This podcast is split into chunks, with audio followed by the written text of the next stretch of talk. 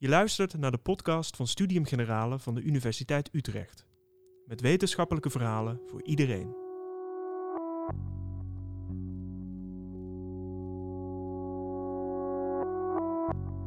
Volgens de Nationaal Coördinator Terrorismebestrijding hebben de coronamaatregelen geleid tot toenemende radicalisering. Een aanzienlijke groep mensen wantrouwt de overheid. Waar komt dit wantrouwen vandaan? En wanneer gaat activisme over in radicalisering? Sociaal psycholoog Kees van den Bos vertelt over de ontwrichtende effecten van het coronabeleid. Ik wil uh, graag wat met jullie uh, delen over uh, radicalisering in coronatijd. Wat hebben we de laatste anderhalf jaar zo al gezien en wat voor lessen kunnen we daaruit trekken? Ik moet opmerken, hè, uh, heel veel inzichten zijn uh, voorlopig, maar ik denk toch dat we uh, een, een, echt wel een analyse kunnen plegen van wat er op is getreden en wat we daaruit kunnen leren. Ik doe dat voornamelijk vanuit de sociale psychologie, mijn vakgebied, wat mensen denken, doen en voelen in de samenleving. Ik combineer dat onder meer met een leerstoel bij rechten, uh, op het gebied van empirisch onderzoek bij rechtsgeleerdheid. En de uh, radicalisering en de sociale psychologie komen daar bij elkaar. Omdat we met name geïnteresseerd zijn wanneer gaan mensen op een gegeven moment op een gewelddadige wijze de wet aan hun laars lappen tijdens radicaliseringsprocessen. De coronatijden, waar we nu al 15 uh, maanden, anderhalf jaar uh, in zitten, zijn heel beangstigend geweest voor uh, veel uh, mensen. Grote gevoelens van angst uh, hebben er plaatsgevonden. Raak ik zelf besmettelijk? kom ik op in het ziekenhuis? Kom ik op de IC te liggen? Wat gebeurt er met mijn oude ouders? Mensen maken zich zorgen. Niet alleen zorgen, niet alleen gevoelens van angst, maar er is ook veel onzekerheid sowieso in het leven, maar ook uh, zeker tijdens de uh, coronatijd. Wat gebeurt er bijvoorbeeld met uh, mijn kinderen? Wat gaat er financieel-economisch gebeuren als je ZZP'er bent tijdens de coronatijd? We gaan een onzekere toekomst tegemoet. Hoor je van diverse partijen, zoals Nuon, maar ook gewoon mensen in jouw omgeving. En zeker tijdens de coronatijd is die onzekerheid nog meer aanwezig. We weten niet goed hoe het uh, coronavirus zich gedraagt. Uh, zeker in het begin vorig jaar wisten we dat niet goed. We weten nou ook niet heel goed altijd hoe het precies zit met die vaccins. De werking uh, daarvan. Kunnen we daar op aan dat dat deugt? Wat moeten we precies uh, doen? Nemen we zo'n vaccin, ja of nee? Of we stonden ingeroosterd voor een AstraZeneca-vaccin en nu kunnen we opeens omboeken uh, naar een ander soort vaccin. Doen we dat? Welke kant gaan we op in het leven? Dit soort dingen spelen een rol tijdens uh, de coronaperiode. Uh, en die spelen denk ik ook een rol in het feit wat je hebt gezien, wat de NCTV, de Nationale Coördinator Terrorismebestrijding en Veiligheid, heeft opgemerkt.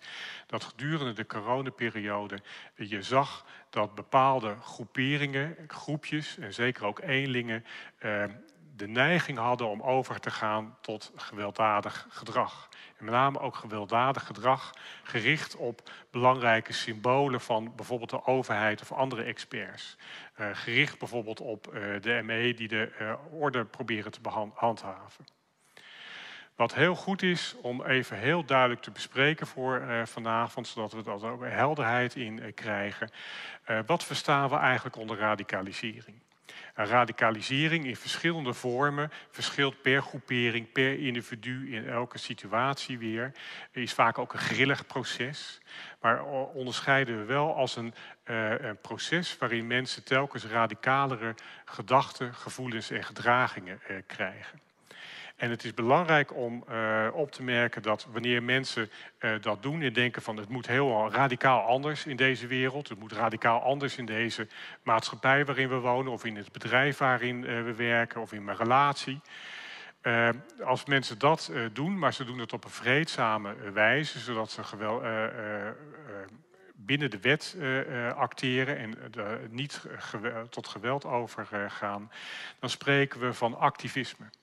En activisme heeft vaak hele mooie uh, aspecten. Dus daar zijn we helemaal niet uh, bezorgd om. Als mensen denken, het moet anders, we moeten de milieumaatregelen veel drastischer gaan hanteren. En we proberen daardoor echt dingen in beweging te krijgen. Maar we doen dat zodat we binnen de wet blijven en we niet tot geweld overgaan, is dat helemaal prima. Maar waar we geïnteresseerd in zijn, zoals we hier zitten als wetenschappers of mensen die in de praktijk eh, werken, wanneer komen mensen in de verleiding om te zeggen, ja, maar het moet helemaal anders. En daarbij wat de wet zegt, dat telt helemaal niet. Dat vind ik helemaal compleet irrelevant. En sterker nog, als ik af en toe een beetje geweld moet eh, gebruiken richting mensen die mij tegenwerken, die mij in de weg zitten bij het verwezenlijken van die belangrijke doelen, eh, dan gaan mensen over tot extremistisch gedrag of gewelddadig extremistisch gedrag. En dan gaan ze de wet overtreden en doen ze dat op een gewelddadige manier.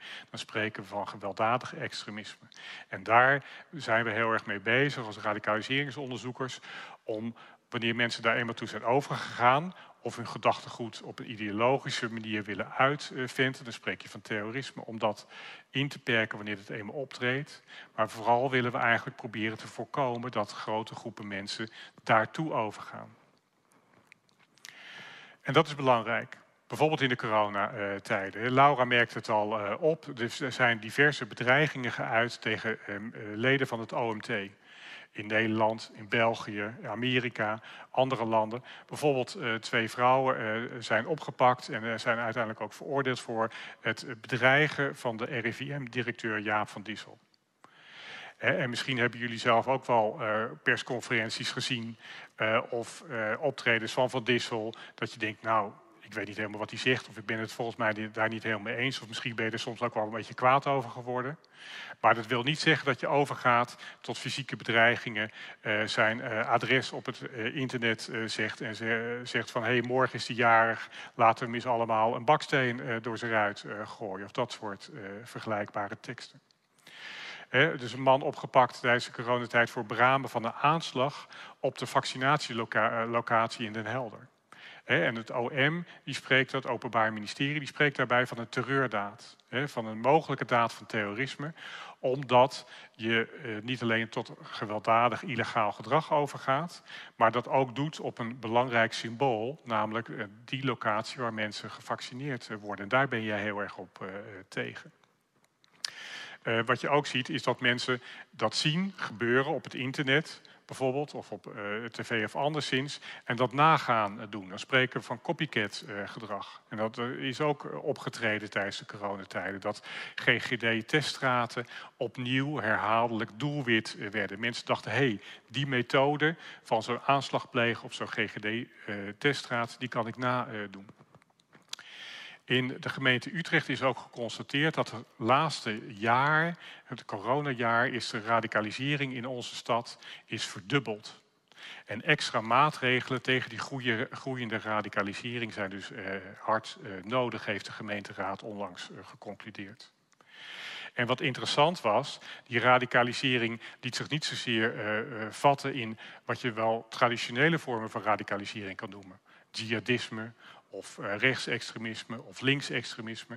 Nee, het leek zich veel meer, veel bijzonder te richten in eerste instantie zeker op diegenen die de leiding hadden in ons land. En mensen gingen zich daartegen afzetten door bijvoorbeeld Rutte als een, een, nieuwe Hitler te presenteren.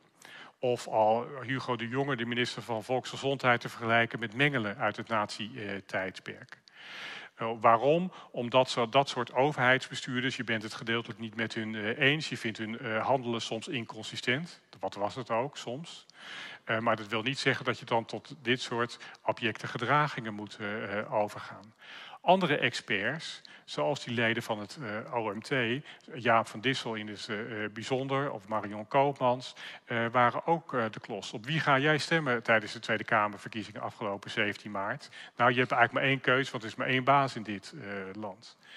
Wat je ziet is mensen kijken dus in tijden van crisis, kijken ze altijd naar leidinggevenden of experts die de touwtjes in handen hebben of zouden moeten hebben.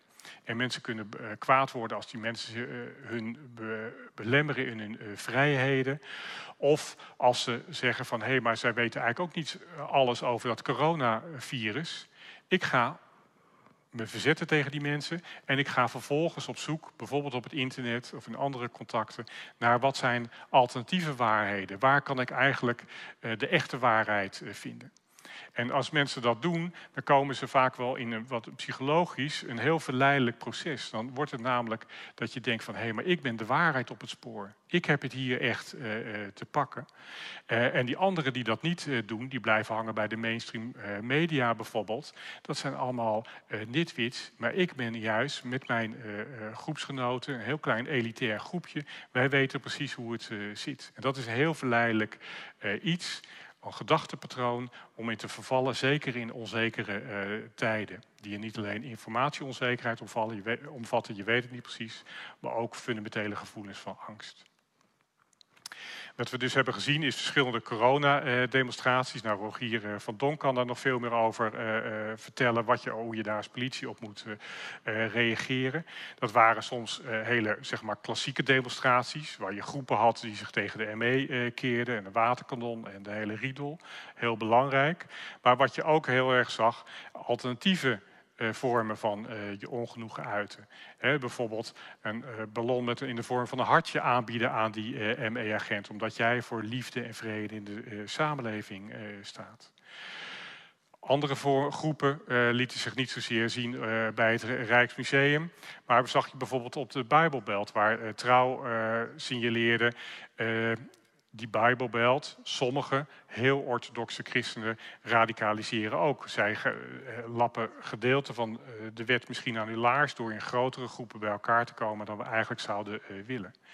en wanneer journalisten daarop afkwamen, van RTV Rijnmond bijvoorbeeld, werden ze met geweld van het kerkterrein verwijderd dat riep weer eh, tegenreacties op. Dat zie je ook heel vaak in tijden van crisis. Actie, reactie. Daar reageerden mensen weer op door daar weer een aanslag te plegen op die uh, kerk met uh, zwaar vuurwerk. Wat je ook hebt gezien in bijvoorbeeld de, bladen zoals Eye Opener en zeker ook op het internet of ook in de echte realiteit, is dat mensen het corona-nieuws als, een, als fake afdoen, een onschuldig uh, uh, griepje. Of bijvoorbeeld wat je hier ziet, iemand in Friesland is getroffen door een ernstige vorm van corona en uh, zijn huis wordt beklad. corona is fake, dus je kan helemaal niet ziek zijn. Dat gaan we gewoon ontkennen met elkaar. En als je eenmaal in zo'n bubbel zit van dat je denkt van oké, maar ik heb gelijk hoe ik hier naar de wereld kijk, is het heel lastig om daar nog uit te stappen op een gegeven moment. Wat je ook ziet, en dat speelde ook vandaag, de rechtszaak speelde daarover, is dat complotdenkers het hebben uh, gemunt op uh, gedenkstenen van uh, Vaatstra en Nicky Verstappen. En ook in Bodegraven speelt dat bijvoorbeeld een rol in de rechtszaak die, die vandaag ook speelde, dat mensen denken dat daar sprake was van satanische rituelen waarin leiders van dit land, onder meer van Dissel, bij elkaar komen om het bloed van kinderen bijvoorbeeld te denken drinken. Dat speelt ook een rol al in Amerika een tijd, hè, waarin er geruchten zijn van QAnon, een anonieme persoon Q op het internet, die zei van ja, er is een bepaalde pizzeria in Washington waar Hillary Clinton en andere mensen van de politieke elite bij elkaar komen om dan niet alleen pizza's uh, te eten, maar ook het bloed van kinderen uh, te drinken. En die, die QAnon en andere complottheorieën hebben onder meer geleid tot de bestorming van het, uh, het Capitool, het Democratische Huis in Amerika, waarin dit soort figuren er binnen wisten te komen. Maar misschien interessanter is ook nog voormalig militairen die je hier bijvoorbeeld ziet, met zogenaamde tie wraps in hun hand. Plastic van die plastic uh, snoeren die je kan gebruiken, die ze wilden gebruiken om Mike Pence en andere politici waar ze een bloed, bloedhekel aan hadden gekregen, om die vast te binden en mee te nemen, te ontvoeren. Nou, dat soort dingen zijn heel gevaarlijk.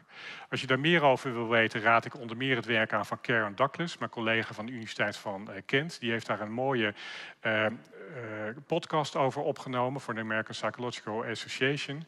En interessant is, hij onderscheidt drie motieven waarom mensen tot zogenaamd, ik zeg expliciet zogenaamd, complotdenken overgaan. De eerste is wat we wel noemen epistemologisch.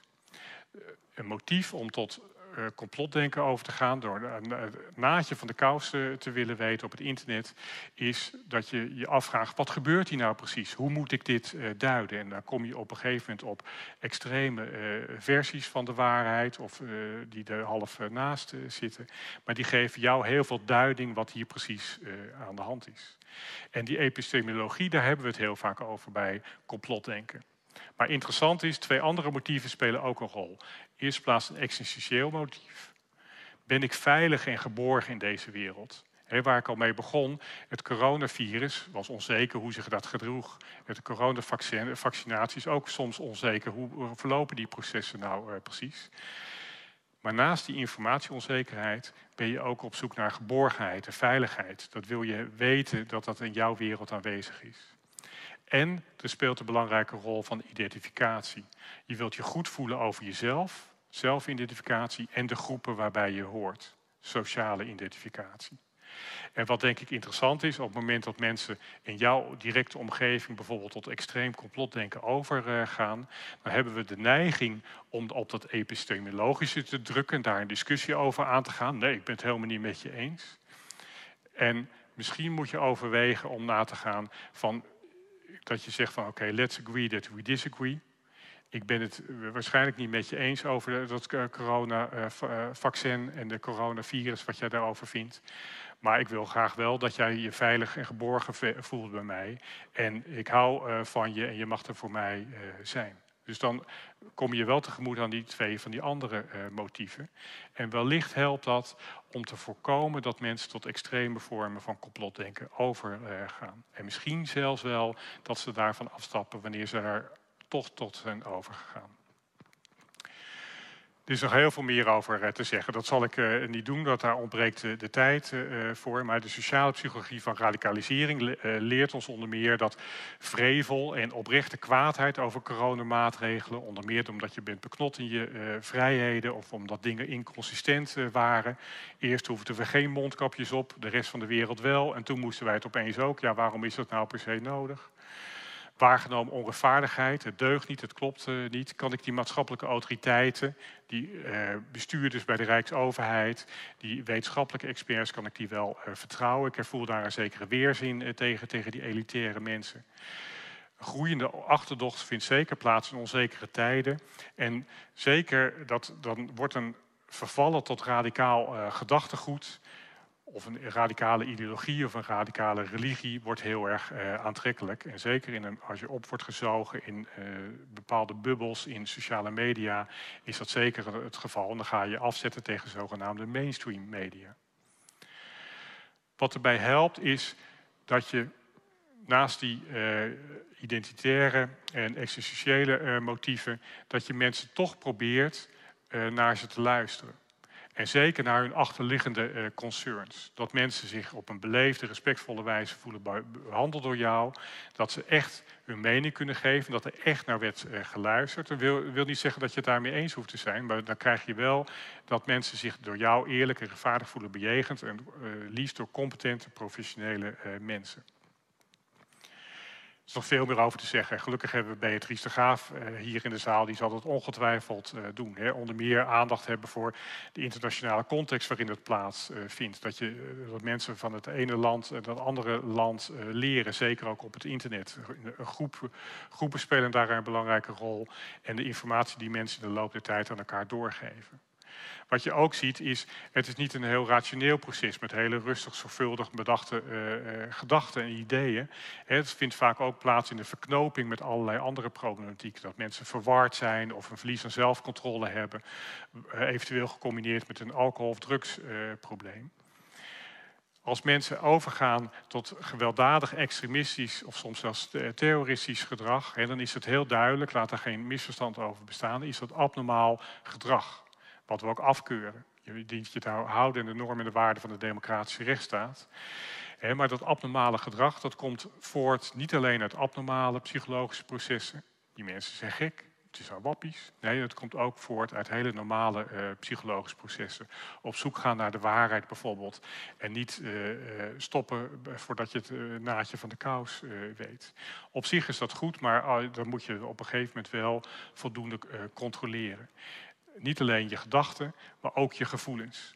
En die gedachten en gevoelens zijn ook belangrijk uh, om te verklaren en misschien wel zelfs af en toe te voorspellen wanneer mensen overgaan naar die gewelddadige illegale gedragingen. Hou daarbij uh, het onderscheid tussen epistemologische, existentiële en identificatiemotieven uit elkaar. En ik wil niet, dus als ik ervoor pleit om aandacht te hebben voor wat mensen drijven, wat hun achterliggende concerns zijn, dan meen ik dat ook echt. En ik denk dat we dat ook best wel uh, soms wat meer kunnen doen. Maar dat, dat respect wat ik mensen wil be, uh, geven, betekent niet dat ik ze wil pamperen. Wil niet zeggen dat ik het altijd met hun eens ben. Mensen hebben rechten en plichten in de democratische rechtsstaat. Dus onder meer je verre te houden van gewelddadige gedragingen of uitingen daarvan. tegen bijvoorbeeld mensen, opponenten waar je het niet mee eens bent dus we werken hier in Nederland vaak vanuit een integraal uh, perspectief. Nationaal Coördinatie Terrorismebestrijding en Veiligheid doet het ook heel uh, goed. Uh, we willen, in eerste plaats willen we radicalisering en aanslagen willen we, voorkomen. Dat is heel erg waar mijn gedeelte van het verhaal bij aanslaat. maar we willen ook ons voorbereiden op mogelijke aanslagen. We willen informatie via veiligheidsdiensten, AVG-proef uh, opsporen. Uh, en op het moment dat mensen over de schreef zijn gegaan, willen we ze strafrechtelijk vervolgen. Tot zover mijn inleiding op vanavond. Als je meer hierover wil lezen, ik heb een boek geschreven waarom mensen radicaliseren. Daar ga ik ook 400 pagina's in op de psychologie van radicalisering. En heel belangrijk, Beatrice de Graaf heeft een heel mooi boek geschreven over radicalisering. met name ook van jihadisten. Maar dat mensen dan eigenlijk op zoek zijn naar iets puurs. Ze zoeken echt het, uh, het goede van hé, hey, ik zie hier wat ik uh, moet doen. En dat geeft een gevoel van radicale verlossing. En ze zal er ongetwijfeld meer over vertellen. Dank jullie wel. Je hoorde een aflevering van de podcast van Studium Generale. Benieuwd naar meer afleveringen? Ga naar sg.uu.nl/podcast of abonneer je op je favoriete platform.